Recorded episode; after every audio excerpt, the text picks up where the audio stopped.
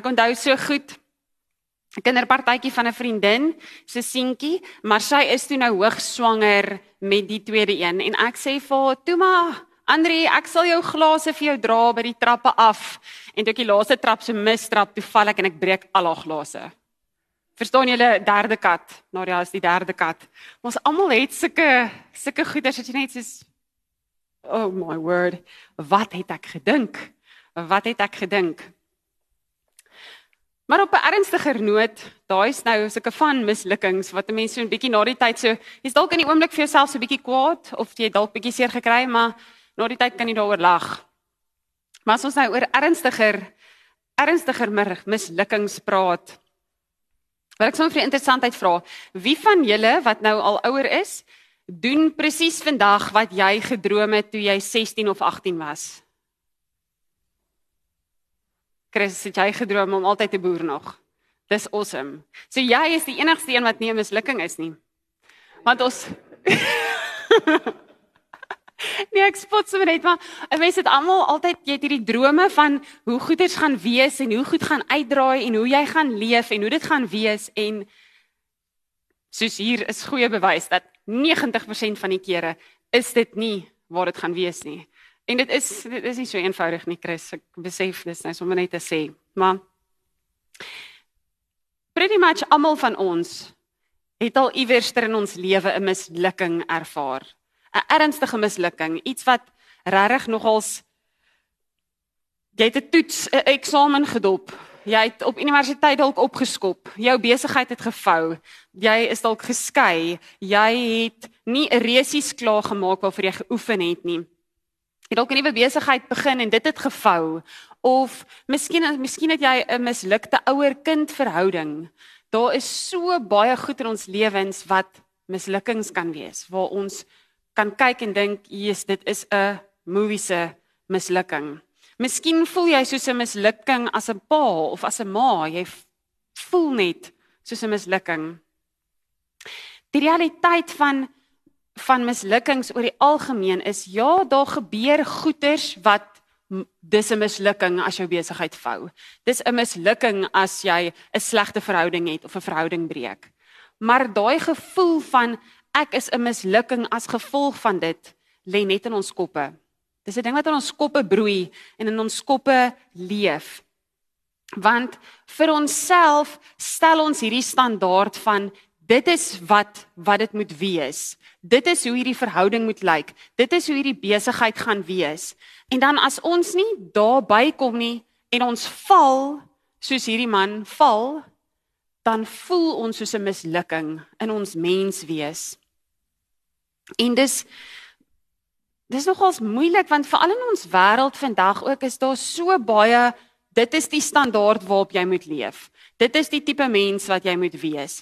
Dit is die die ding buiten vir hierdie epic fail video's as jy op Facebook en op so gaan kyk mense wys nie hulle mislukkings daar vir die wêreld nie jou mislukkings is die goed wat jy so bietjie wegsteek of gaan wegdruk want die wêreld wil nie eintlik weet hoe jou mislukkings lyk nie en as jy dit nog waag om jou mislukkings aan die wêreld te wys dan word jy baie keer ge etiketeer. Jy kry die label van ooh, haar besigheid het gefaal of ooh, daar's 'n egskeiding of ooh, sy en haar kind praat nou vir soveel jaar nie met mekaar nie.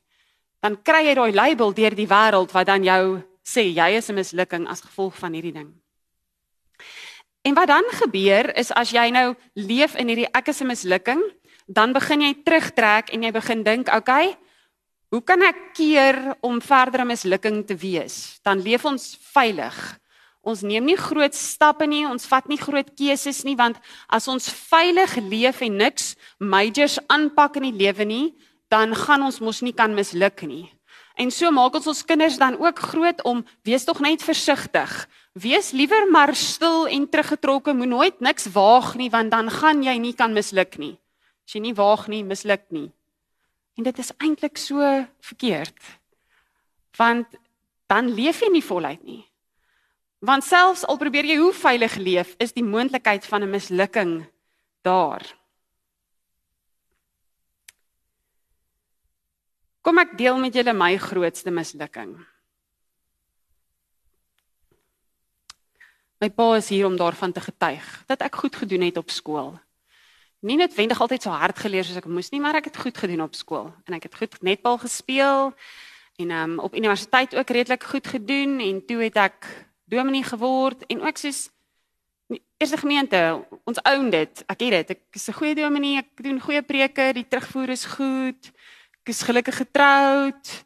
Alles gaan goed. Ek het 'n eerste kindjie, bietjie moeilike lyfie gewees as babietjie, maar dierbaar, baie lief vir haar as mamma. Dis okay. Ja. Mooi. Toe woon ek 'n ding by eintlik voor Leila se geboorte nog van 'n klomp vrouens. Al die mans het gaan jag daar in Marydale En al die vrouens kom toe bymekaar en ons hou toe die oggend 'n lekker tee. So die ouderdom was was so tussen 30 en 60 jaar oud was die vrouens gewees. En een van die mammas, sy's 'n paar jaar ouer as ek, op daai stadium met hulle al drie kinders gehad.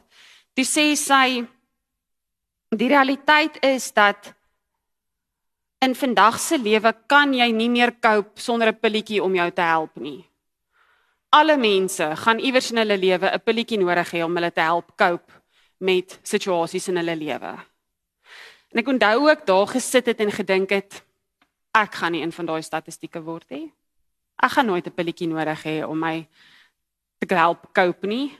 Um want ek is mos nou 'n dominee. Ek weet waar my krag vandaan kom. Um Ja.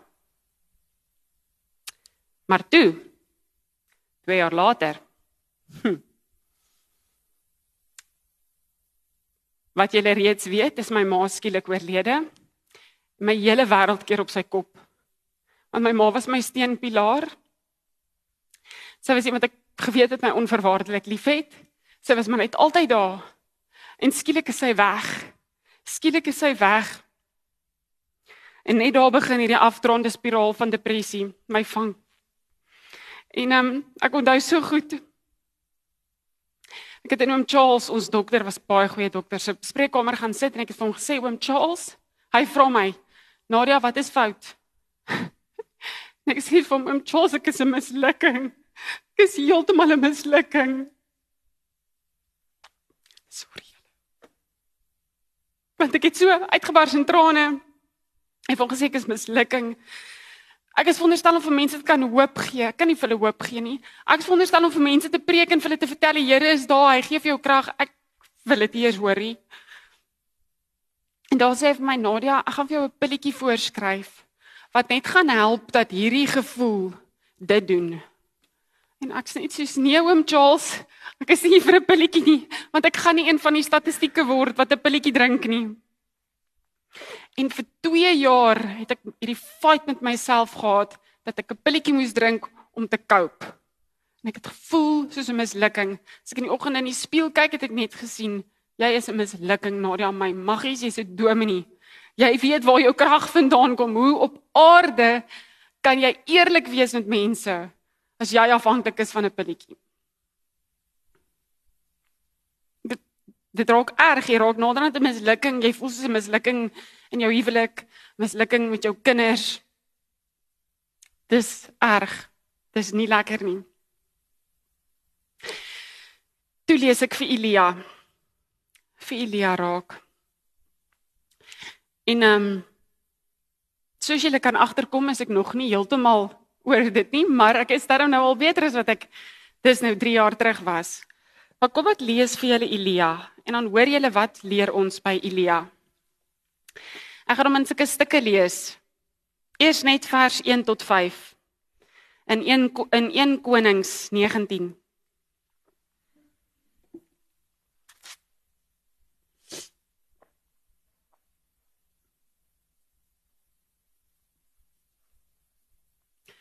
Toe Agab vir Isebel alles vertel wat Elia gedoen het en hoe hy al die profete met 'n swaard doodgemaak het. Stuur Isebel 'n boodskapper na Elia om vir hom te sê: Mag die gode my swaar straf as ek nie môre teen hierdie tyd jou lewe maak soos die lewe van een van hulle nie. Elia het bang geword, gereed gemaak en uit vrees vir sy lewe pad gegee. Toe hy in Berseba wat aan Juda behoort aankom, het hy sy dienaar daar agtergelaat. Hy self het agter die woestyn ingegaan, 'n dagreis ver. Daar aangekom, het hy in 'n wit besembos gaan sit en gevra dat sy lewe tot 'n einde moet kom. Hy het gesê: "Dit is nou genoeg, Here. Neem my lewe want ek is nie beter as my voorouers nie."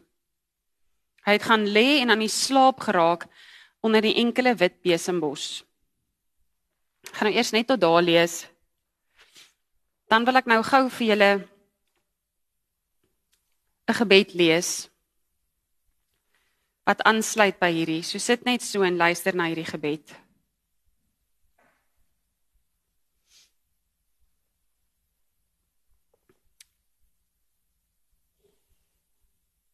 Here, hier is nou 'n saak wat vir my swaar is. Dit gaan oor U wat alles van my weet. Sal U die intieme kennis ooit teen my gebruik? As verswaarende omstandighede wanneer ek voor U verskyn?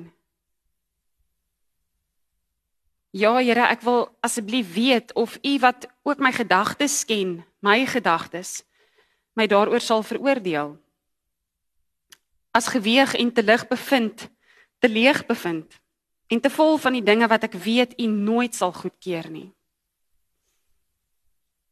Ag en soms wonder ek of u dit nie maar kan keer nie. Van my u beskermeling wil wegkeer nie. Dit tog filter Here hierdie gedagtes. Sensor soos vir 'n kind. Want u sien dit mos van ver af kom en u weet Ek weet nie aldag hoe ek dit het nie. Ek wil so graag goed wees, positief dink, my kop met opbouende dinge vul. Maar as ek my kom kry, lê dit my voor, oorrompel dit my weer. Word ek elendige mens oorval deur dit wat my swakhede ken. Die een of ander soort boosheid. En wat ek dan dink en omtrent niks te doen met enige iets wat by u kinders pas nie. Dit is 'n eindelose kringloop. Wie sal my hiervan verlos? Ek is tog nie die eerste een wat hierdie doodsbestaan verwens nie, Here. En ek sal ook nie die laaste wees nie. Maar U wat van begin tot einde alles van my weet, U wat dwars deur my sien, moet asseblief nie so gewalg word dat U moed opgee en my alleen los met my gedagtes nie. Bevry my, Here, knip die naaldstring wat my daaraan bind. Amen.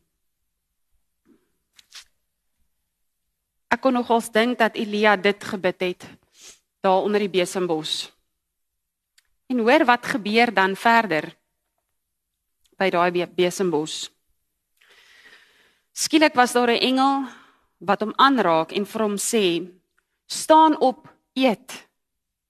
Toe hy rondkyk, is daar so waar by sy kop 'n roosterkoek op 'n gloeiende kole gebak en 'n fles met water. Hy het geëet en gedrink en weer gaan lê. Maar die engel van die Here het 'n tweede keer teruggekom, hom aangeraak en gesê: "Staan op, eet, want die reis gaan vir jou te veel eisend wees." Hy het toe opgestaan, geëet en gedrink. Met die krag van daardie voedsel het hy 40 dae en 40 nagte geloop tot by Horeb, die berg van God.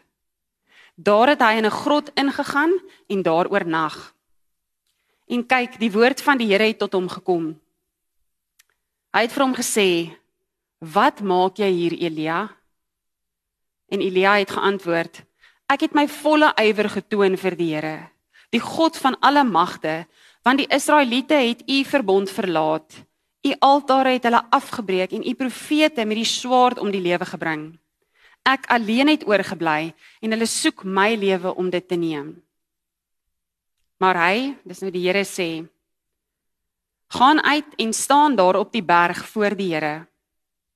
Kyk, die Here sal weldra verbygaan.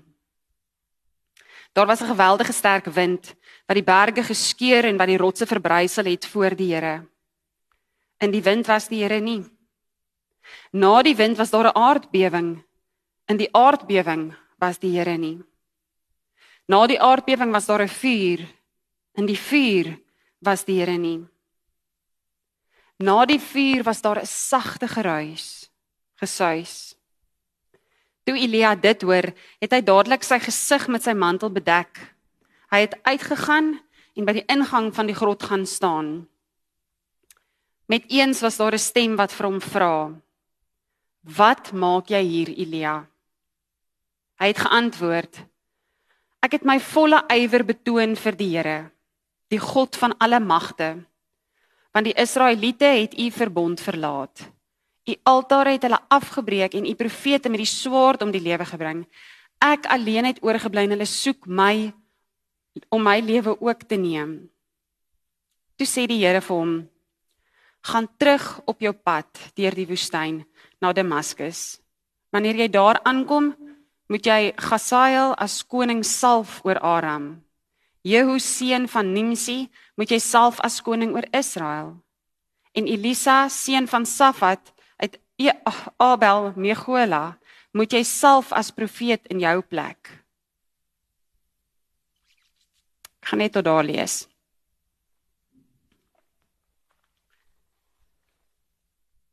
Ons kry hier te doen met Elia wat nou net, as jy hoofstuk 18 gaan lees, nou net die Baal profete oorwin het. Ons ken die storie van die Baalprofete. Die Baalprofete wat gedans het en gebid het en geskree het en al hoe harder geskree het, maar Baal het vir hulle niks gedoen nie. Elia het syne sopnat gegooi en hy het tot die Here gebid en daar het 'n vuur gekom en sy hele offer was verbrand. En ek kan dink die oorwinning wat Elia moes gehad het van yes, ek het hierdie nou. Ons het nou hierdie. Ons het nou bewys dat ons God is die God. En dan kom Isabel en sy sê môre maak ek vir jou dood. En dan vlug Elia. En dan voel Elia soos 'n totale mislukking, hierdie hoogtepunt van hy en God het dit dan nou gedoen. Dit was dan nou so amazing. Nou wil hulle hom doodmaak. Nou gaan lê hy onder die besembos om dood te gaan. En hy vra ook, Here, neem net my lewe want dit is net ek is 'n mislukking. En dan gebeur daar drie goed. Drie dinge. In die eerste plek los God nie vir Elia uit nie. Hy los hom nie daar onder daai besembos nie. 'n Engel van die Here kom maak vir Elia wakker en sê: "Kom, word wakker, staan op en eet." En vir 'n tweede keer sê hy Elia, staan op en eet want jy gaan dit nodig hê want jy gaan nou moet reis en jy gaan moet ver reis, jy gaan jou kragte nodig hê. En dit het my so laat dink, daar's mos daai sê ding wat sê wat is sukses om net een keer meer op te staan as wat jy geval het. Dit is sukses. Maak nie saak hoeveel keer jy val nie, staan net een keer meer op. En dis wat hier gebeur. As Elia staan op, eet, jy gaan jou kragte nodig hê. Nou ek weet nie waar's jou besembos nie. Ek weet nie waar's jou besembos waar jy soos 'n mislukking voel nie. Maar as jy daar is of as jy in jou lewe al daar was, weet dit dat God gaan vir jou kom sê, "Hey, kom, staan op. Staan op hierdie mislukking wat in jou kop sit, wat aan jou lyf raak, staan op, eet. Ek het nog soveel wat ek vir jou beplan." Die lied gaan in die description wees. En ek gaan nou vir julle dit speel. 'n Lied wat net sê kyk net op. Elia die tweede ding. Elia moes toe opkyk. Opkyk en God sien. Hy moes na God toe gaan. Vir 40 dae en 40 nagte loop Elia toe na Berg Horeb toe.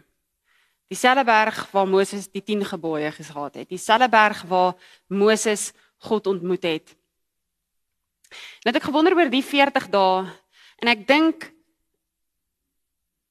ek dink God verstaan dat ons partykeer nodig het om so 'n bietjie in selfpity te wees. Ek dink die Here weet dat ons partykeer nodig het om onsself so 'n bietjie jammer te kry. So hy het vir Elia 40 dae gegee. Om te sê, vat nou hierdie reis, 40 dae, 40 nagte stap jy, ek kry jou daar by die berg. En hierdie berg is soveel meer as net 'n berg. Dis 'n veilige plek. Dis 'n plek wat so 'n teken van God se teenwoordigheid was in die Bybelse tyd.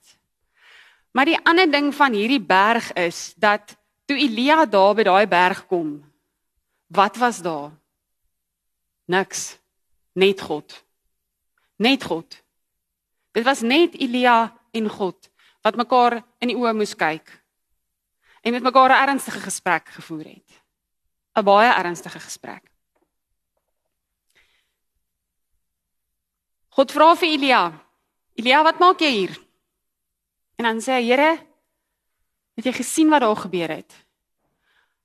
Al hierdie groot goed, ek het my hart uitgeleef vir jou. Ek het al hierdie goed gedoen en dit was 'n mislukking. Dit was 'n mislukking.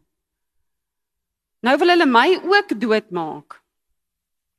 Ek hoor nogal so bietjie in Elia se manier van praat dat hy die Here so bietjie beskuldig en sê Here maar hoekom hoekom het jy nie opgekom vir my nie? Hoekom het jy nie die oorwinning behaal nie? Hoekom is Isabel agter my aan om my dood te maak? Dis hoekom ek nou hier is, Here. Ek wil nou by jou weet. Wil by jou weet. Hoekom is ons waar ons nou is? En gewoonlik as ons in 'n mislukking situasie kom, is dit waar ons moet wees. Ons moet daar kom waar jy God in die oë kyk en vir hom sê, Here, hoekom? Wat wat gaan nou hier aan? Wat gaan nou hier aan? Nie om disrespekvol te wees nie, maar net om vir die Here wil sê amper jou hart oop te sny en te sê, Here, help nou. Ek dink nogals die gesprek tussen Elia en en God hierso was nie net so eenvoudig soos wat dit nou hier in die Bybel staan nie. Ek dink dit was 'n baie baie harde en en eerlike gesprek. Maar dit moes ook nogals baie gevat het vir Elia om onder daai besembos uit te kom en na God toe te gaan. Maar ek dink in ons mislukkings in ons besembos plekke al hoe jy uit daai mislukking gaan uitkom of uit daai gevoel van mislukking gaan uitkom is as jy ook maar na die berg toe stap en ernstig voor God gaan sit. Vir God dan nou maar beskuldig as jy hom wil beskuldig. Vir God wil kwaad wees as jy vir hom wil kwaad wees. Vir God wil sê, Here, eintlik wil ek nou met jou niks te doen hê nie want dit voel vir my of jy my in die steek gelaat het. Want wat doen God met Elia? Na God, na Elia hom eintlik maar tegnies beskuldig het. Wat doen God? Hy sê kom 'n bietjie hierson.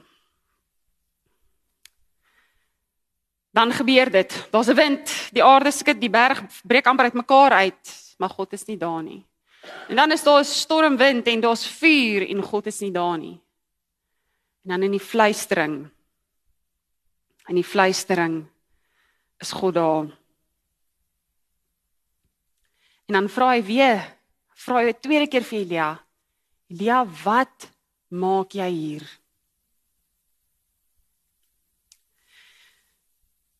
En dan gee Elia vir hom dieselfde antwoord. Maar ek wil tog dink in die tweede keer se antwoord was dit 'n besef van ek het weggehardloop, Here. Ek het gevlug vir my lewe. Ek was bang maar dis ek wat weggehardloop het. Dit was nie jy wat weggehardloop het nie, want jy was heeltyd daar. Jy was heeltyd daar. Ek dink in ons lewens ook wil ons baie keer hê God moet in die aardbewing wees. Hy moet in die hart wees. Hy moet skree dat ons hom kan hoor. As ons in mislukking is, wil ons hê hy moet kan ek weet nie wat nie 'n stok oor ons koppe slaan en die mislukking moet net weg wees. Maar dit is nie wat gebeur nie. God is in die fluistering daar. Interessant, as jy gaan lees, as jy die Bybel nou gaan lees, baie keer het God met groot lawaai, aardbewings en goeters die gepraat. Maar na hierdie gedeelte was dit nooit weer vir God nodig nie tot met Jesus se dood al sy praat tussen wat hier gebeur het en tot Jesus se dood was in 'n fluistering gewees. Was dit God wat gepraat het, wat 'n engel wat gepraat het of wat besoek het. Was eers weer met Jesus se dood wat daar 'n aardbewing was en wat dit geskeur het.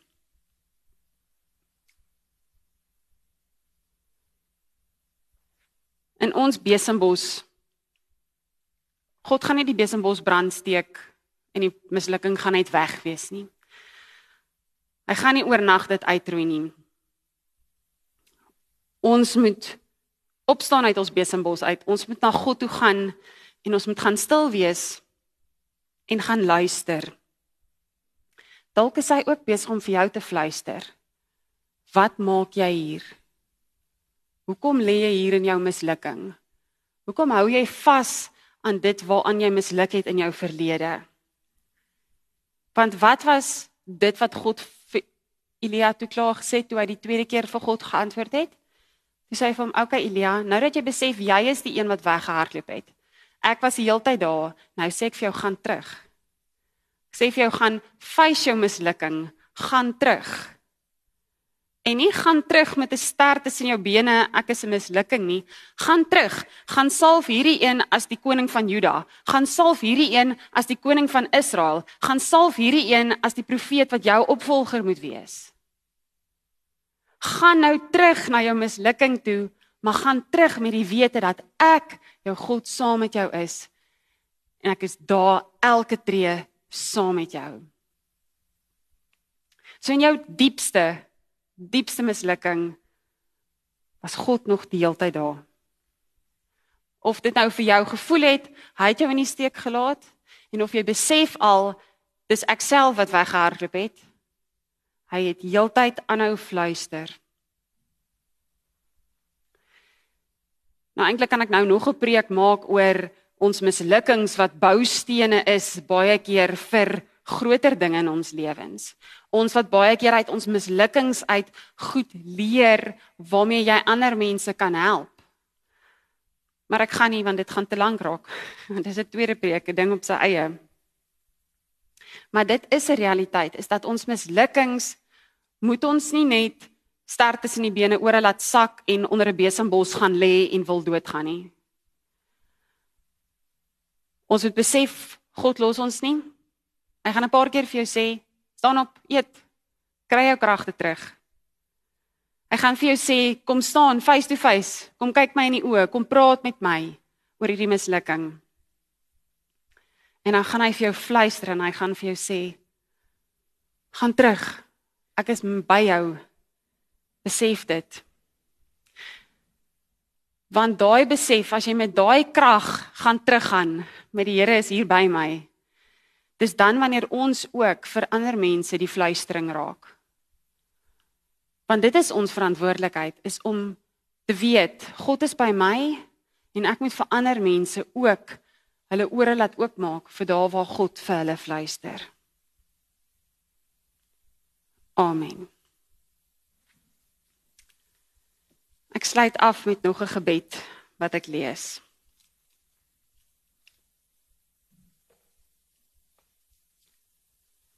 'n lewensfeit. Ja, Here, dit is 'n feit van die lewe wat 'n kleintyd al geleer is. Naas nou die oor bytjies en die blommetjies. Ek is geleer jy is die Here se kind. Dit was vroeg reeds 'n refrein en is tot vandag toe nog 'n vashou plek teen vrees en onsekerheid. 'n Vaste wete diskant ontnugtering en ongeloof. Die wete, Here, help my wanneer ek in ydelle en verydelende oomblikke voor die spieël staan en wonder, is daar darm iets aan my wat na iets lyk? Iets wat nie net tot flenter sal vergaan of tot verdere vernieling verdoem is nie. Iets wat opsigtelik deur 'n hoër hand vervaardig is en daarom deur die eienaar skepper daarvan onderhou sal word is die verstand darm op sy kop, die hart steeds op die regte plek, hande en arms nog vaardig, voete en bene padwaardig, is alles nog in een stuk. Maar u die baasbrein agter my bestaan is steeds met my op pad. Waarheen? Weet ek nie aldag nie. En wanneer ons daar sal kom, nog minder. Maar ek weet uit watter meesterhand ek kom. En dit Dit Here is vereers genoeg. Amen.